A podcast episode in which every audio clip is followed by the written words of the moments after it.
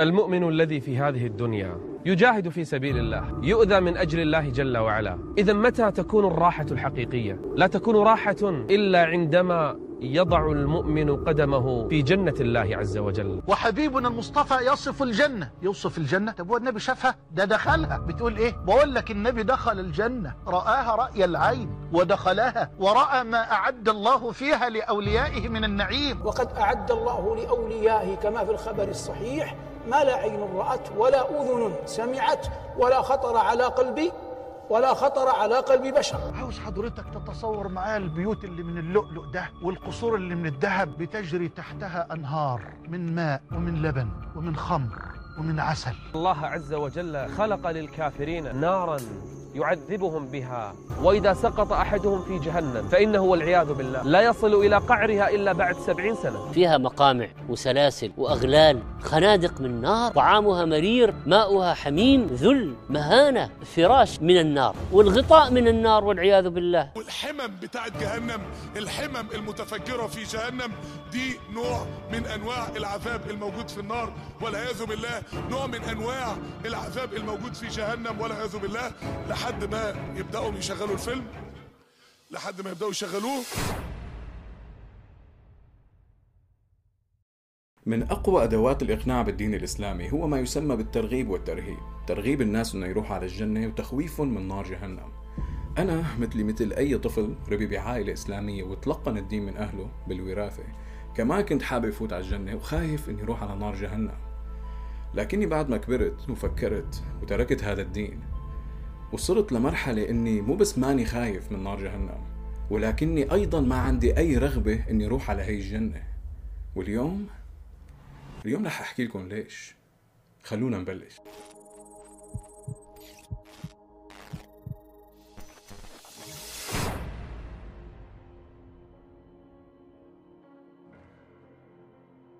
الصورة العامة اللي علمونا إياها هي إن الجنة مكان جيد، نحن لازم نسعى لنوصل لها، لكني حبيت أعرف أكثر عن الموضوع فقرأت القرآن، واتضح معي إن الموضوع مو إنه الجنة مكان جيد، في تفاصيل كتير غريبة، على سبيل المثال الآية اللي بتقول: إن المتقين في مقام آمنين في جنات وعيون يلبسون من سندس واستبرق متقابلين كذلك وزوجناهم بحور عين وزوجناهم بحور عين معناها أنه الله منح الرجال نساء جميلات بشرتهم بيضة الحور جمع حوراء والحوراء هي المرأة الشابة الحسناء الجميلة شديدة بياض الجسد مع شدة سواد العين. حسيت أنه في شيء غريب ليش الله ممكن يوعد الرجال بنساء جميلات ما بعد الموت؟ هل هذا يفترض أن يكون شيء إيجابي؟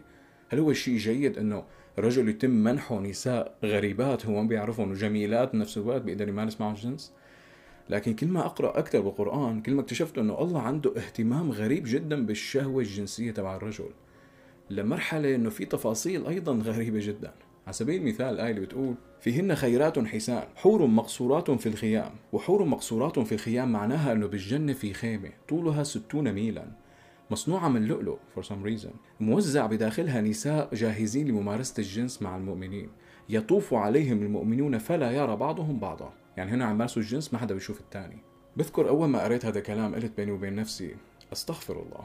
ولكن شو الفرق بين محاولة وصف بيت كبير من بيوت الدعارة وهي الخيمة الإلهية المذكورة في القرآن؟ ما في أي فرق بيناتهم. شو بدي أقول على إلهي؟ لما عم يوعد الرجال انه يروحوا يمارسوا الجنس مع نساء غريبات ما بيعرفوهم بمكان مفتوح بخيمة مفتوحة. شو بدي أقول على الرجل اللي هو أصلا بيقبل ينعرض عليه هذا الشيء؟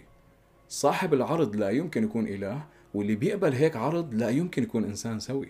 في شيء غلط بالموضوع. فيني أتفهم انه مفهوم ممارسة الجنس مع عدد كبير من النساء الجميلات والغريبات قد يكون مغري لإنسان مكبوت جنسيا وما عنده تجربة جنسية بحياته أو إنسان عنده خلل أو نوع من أنواع الاضطرابات الجنسية. لكن أي إنسان سوي عاقل وراشد وعنده تجربة صحية وواقعية مع الجنس لا يمكن إغراءه بهي الأشياء. لا يمكن إغراءه نقول له روح فوت على خيمة عملاقة فيها نساء غريبات ومارس الجنس معهم بد... لا يمكن إغراءه بهذا الشيء. الأوضح أنه كاتب هذا الكلام هو شخص عنده هوس بالأمور الجنسية وأحسن شيء عقله بيقدر يتخيله هو حلم جنسي بالدخول إلى خيمة مصنوعة من لؤلؤ مليئة بالنساء الجميلات. هذا أحسن شيء عقله بيقدر يتخيله. وكل ما بنقرأ أكثر بنشوف ان الموضوع بيوضح أكثر على سبيل المثال هوس كاتب هي الآيات بما يسمى بال virginity أو البكارة مهووس بمفهوم البكارة. الآية اللي بتقول فيهن قاصرات الطرف لم يطمثهن إنس قبلهم ولا جان أي بل هن النساء بالجنة أبكارا عربا أترابا. لم يطأهن أحد قبل أزواجهن من الإنس ولا الجن. أنشأناهن إنشاء أي إنشاء حسنا خلقناهن خلقا حسنا فجعلناهن أبكارا فليست الحور الحسان هن الأبكار فقط. بل نساء الدنيا أيضا يرجعن أبكارا. غريب إنه الله مهتم بهي التفاصيل الغ... بكر البنت. حاجب لك نساء جميلات وبيض البشرة وأبكار كلهم. ما حدا مارس الجنس معهم قبلك. آية تانية إن أصحاب الجنة اليوم في شغل فاكهون. وفي شغل فاكهون فيكم أنتم تقروا شو معناها. إن أصحاب الجنة اليوم في شغل ما أدري ما أتلفظ لكن ال... لا تلفظ شيخي تلفظ الله لا يستحي من الحق. فيقول في شغل في إيه افتضاد الأبكار There you go. بلشت تنتبه إنه هي الأفكار لا يمكن أن تكون أفكار اله كلي المواصفات.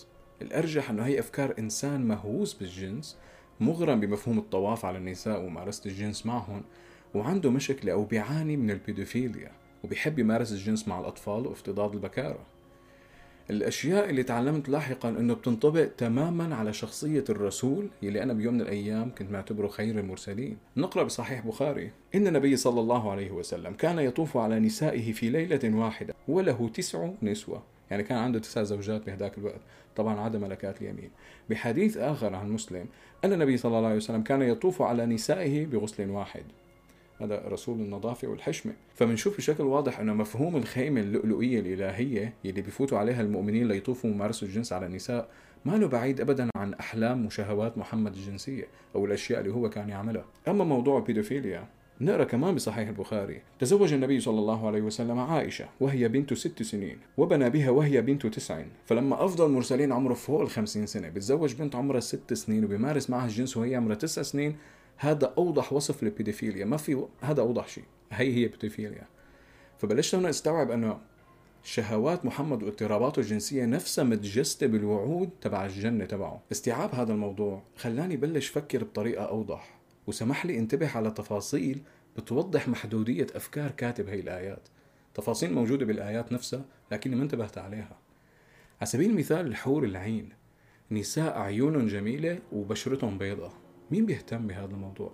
هي من أحلام العرب بهذاك الزمان والمكان لأنهم عايشين بالصحراء هذول الرجال والبشرة البيضاء شيء نادر بالنسبة لهم أو شيء شبه معدوم بيتغنوا فيه بيعتبروه مواصفات الجمال. كمان لما الآيات بتوعدنا باللؤلؤ وأسرة الذهب وأواني الفضة وهي الأشياء هي أشياء لها قيمة لكوكبنا فقط. لا لما لا للكون ولا المجموعة الشمسية حتى للكوكب تبعنا فقط.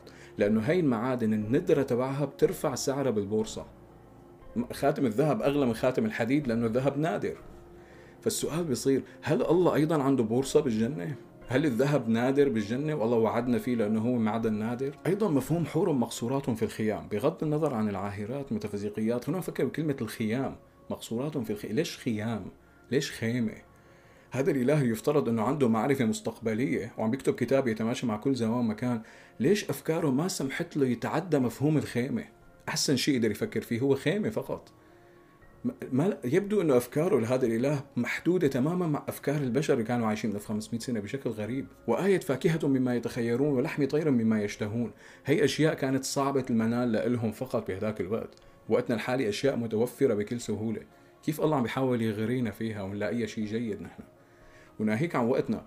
بعد 5000 سنة من اليوم الحضارات متطورة حتيجي بعدنا، تخيل إنه يفترض هن يقروا هذا القرآن وينغروا إنه الإله رح يقدم لهم فواكه ولحم طير. هل هذا هذا يعقل هذا الشيء؟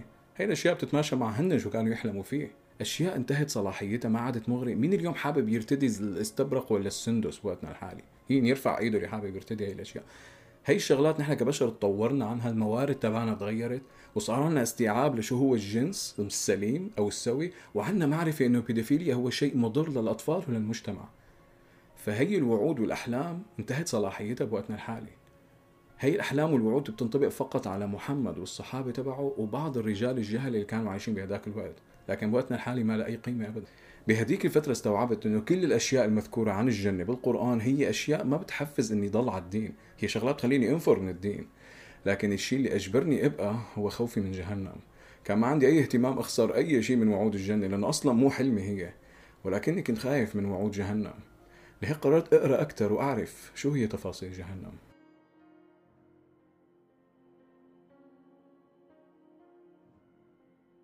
من بعد استيعابي إنه وعود الجنة هي كلها صناعة بشرية بحت. لما بلشت أقرأ عن أمور جهنم الأشياء نفسها كانت تخوفني بيوم من الأيام. حولتني لأني صير أقول ها؟ أو شو؟ أو كيف؟ صرت شكك صرت أسأل كيف هذا الشيء ممكن يصير؟ هي الشغلات كيف ممكن يكون معقولة؟ على سبيل المثال الآية بتتكلم عن أول شيء بيواجهوه أهل النار لما بيطلعوا بيشوفوا جهنم. بيكونوا ناح أبواب جهنم بالمناسبة جهنم إلى أبواب قارعة وإلى حراس. ما له تصور بشري أبدا هذا الموضوع. Anyways الآية بتقول يا معشر الجن والإنس ألم يأتكم رسل منكم يقصون عليكم آياتي وينذرونكم لقاء يومكم هذا? أول شيء قلتم مثل العادة استغفر الله. ولكن ليش الله عم يسأل? يا إما الله بيعرف مسبقا شو هي الإجابة يا إما ما بيعرف. والاثنين مصيبة. إن كان بيعرف شو هي الإجابة معناها الله عم بيعمل شيء هدر وقت شيء ما له أي قيمة. كأنه حدا كاتب له هذا السكريبت وجابره فيه. مو معقول الله يكون بده يهدر وقت أكيد حدا جابره بسكريبت. يا إما الله ما بيعرف شو هي الإجابة ممكن حدا يخدعه يوم من الأيام يقول له إيه نحن أجانا رسل ام شو بيعمل الله ساعتها؟ بتغير السكريبت؟ ما بس مو هي هي المشكلة كانت معي. المشكلة بهذا السؤال ألم يأتكم رسل حاولت طبقه على نفسي أنا بهداك الوقت كمسلم. أنا اعتبرت أنا كمسلم بهداك الوقت. لو أنا متت وفقت ولقيت الله عم يسألني على باب جهنم هذا السؤال شو ممكن أقول له؟ بدي أقول له شو قصدك برسل قصدك شخص بيجي بيعمل خدعة سحرية وبعدين بيقول لي انه هو اجى من عند الله لأنه أنا ما عرفت افسر شلون عمل الخدعه فأنا مجبر صدق كل شيء هو بيقوله. إذا قصدك هيك شخص ما حدا إجاني هيك بال 2021 في ناس حاولوا يعملوا هذا الشيء لكن حطيناهم بالمساحات العقلية. الشيء الوحيد اللي إجانا هو إنه وعينا على كتاب تاريخ فيه قصص خرافية.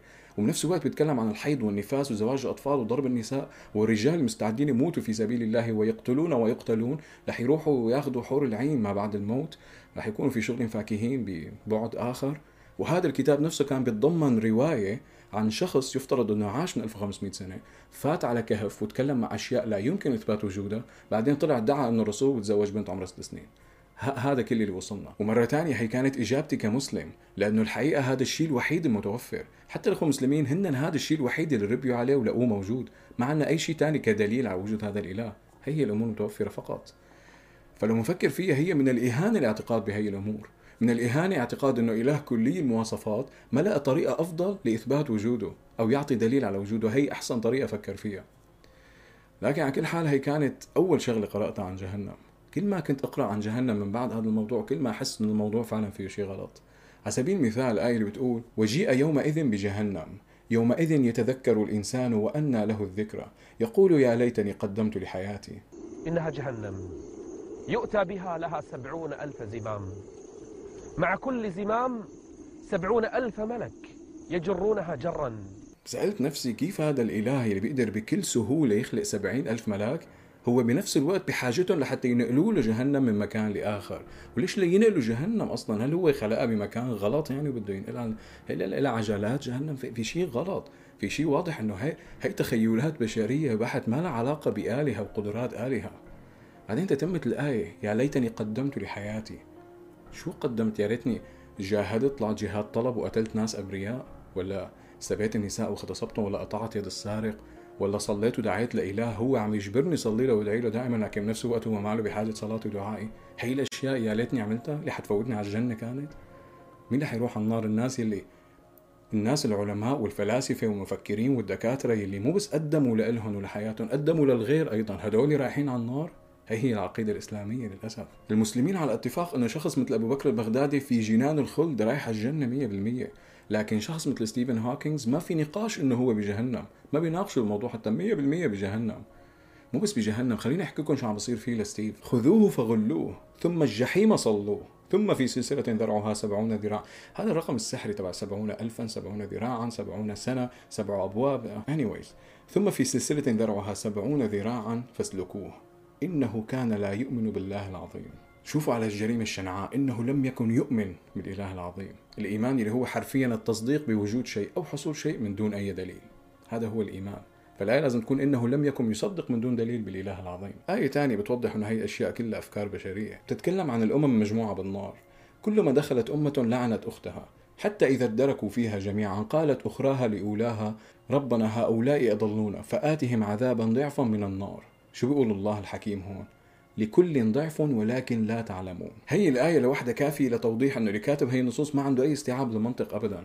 عندنا جماعة عم بيقولوا عاقب هدول الناس ضعف لأنه هن اللي ضلونا هن اللي تلاعبوا بأفكارنا وخدعونا لحتى كفرنا. فالله بيقول لهم أنتوا الاثنين عقابكم ضعف. هي الآية توصف الإله على أنه كيان غير عاقل وغير قادر على التفرقة بين الجماعة اللي فعلا بيستحقوا العقاب والجماعة اللي فقط تم التلاعب بأفكارهم ما بيستحقوا العقاب أبدا. فهو قرر مو بس إنه بيستحقوا لا وعقابهم ضعف كمان مثله مثل الأولين. وهي بالمناسبة أفكار الإلهي اللي يفترض يكون كلي الحكمة وكلي العدل بنفس الوقت. وهلأ اسمحوا لي أشارك معكم الشيء الأخير اللي خلاني اصل لقناعه تامة. انه مفهوم جهنم هو صناعة بشرية بالإسلام. الله هنا يفترض انه عم بيقول ولو شئنا لأتينا كل نفس هداها. ما في تضارب ابدا مع حرية الإرادة هذا الكلام. ولكن حق القول مني لأملأن جهنم من الجنة والناس أجمعين. كلياتنا بنعرف إنه الله بيتكلم مع جهنم وبتجاوبه هي باللغة العربية بلهجة أهل قريش. هل امتلأتي هل من مزيد؟ هي القصص. لكن أسباب نزول هي الايه هو على مستوى ثاني كليا. خليني اقرا لكم تحاجت النار والجنة. برواية ثانية اختصموا. يعني زعلانين من بعض الجنة والنار. فقالت النار أثرت بالمتكبرين والمتجبرين فقالت الجنة عم بترد عليها للنار وهي زعلانة. فما لي لا يدخلني إلا ضعفاء الناس وسقطهم وعجزهم فقال الله للجنة أنت رحمتي أرحم بك من أشاء من عبادي. وقال للنار أنت عذابي أعذب بك من أشاء من عبادي. ولكل واحدة منكم ملؤها. فأما النار فلا تمتلئ. كيف لا تمتلئ جهنم؟ الله عم بيقول بالآية حق القول مني لأملأن جهنم. فالله لحتى يوفي بوعده شو بيساوي؟ فيضع قدمه عليها. فتقول جهنم قط قط يعني خلص كده كفاية. فضل بضل بتقول له هل من مزيد؟ هل من مزيد؟ لحتى الله يحط رجله فيها بتقول له حاجة. خلص توبة. هي الأمور مو مقدمة على أنها رواية أو خرافة أو حلقة كرتونية من سبيس تون هي الأمور مقدمة على أنه حقيقة مطلقة. لا يوجد شك أو ريب فيها أبدا. وشو الدليل؟ مكتوبة بالقرآن. طيب ليش لحد نهتم شو مكتوب بالقرآن؟ لأنه كتابنا عند الله. طيب كيف عرفنا أنه هذا كتابنا عند الله؟ لأنه هو مكتوب فيه أنه كتابنا عند الله. هذا أحسن شيء قدرت تعمله مخيلة كاتب القرآن اللي بده يرغب الناس بجنة وهمية جنسية وبده يخوف الناس من جهنم أيضا وهمية. هذا أحسن شيء قدر يعمله. لكن المصيبة اللي ما انتبه عليها كاتب القرآن أنه حول إلهه الوهمي لشخصية شريرة. إله ما بيحط الناس الجيدين بالجنة والسيئين بالنار لا. إله بيحط الناس فقط اللي آمنت فيه بالجنة واللي ما آمنت فيه بالنار بغض النظر إن كانوا جيدين أو سيئين. إن كنت شخص مؤمن بأشياء غير أخلاقية غير منطقية وغير واقعية تربح معنا جنة غير أخلاقية غير منطقية وغير واقعية. لكن إن كنت شخص بتميل للأخلاق وللواقع وما آمنت مو بس جهنم. الله رح يعذبك لدرجة ما فيك تتخيلها ما حيشبع من تعذيبك ما حينشفى قلبه منك. لو قرينا هاي الآيات وشفنا الحقد والكره بقلب هذا الإله رح ننتبه إنه هي مواصفات هي مواصفات بشرية. الحقد والكره. استيعاب هاي الأمور خلاني ما عندي أي اهتمام بالذهاب للجنة وما عندي أي خوف من النار.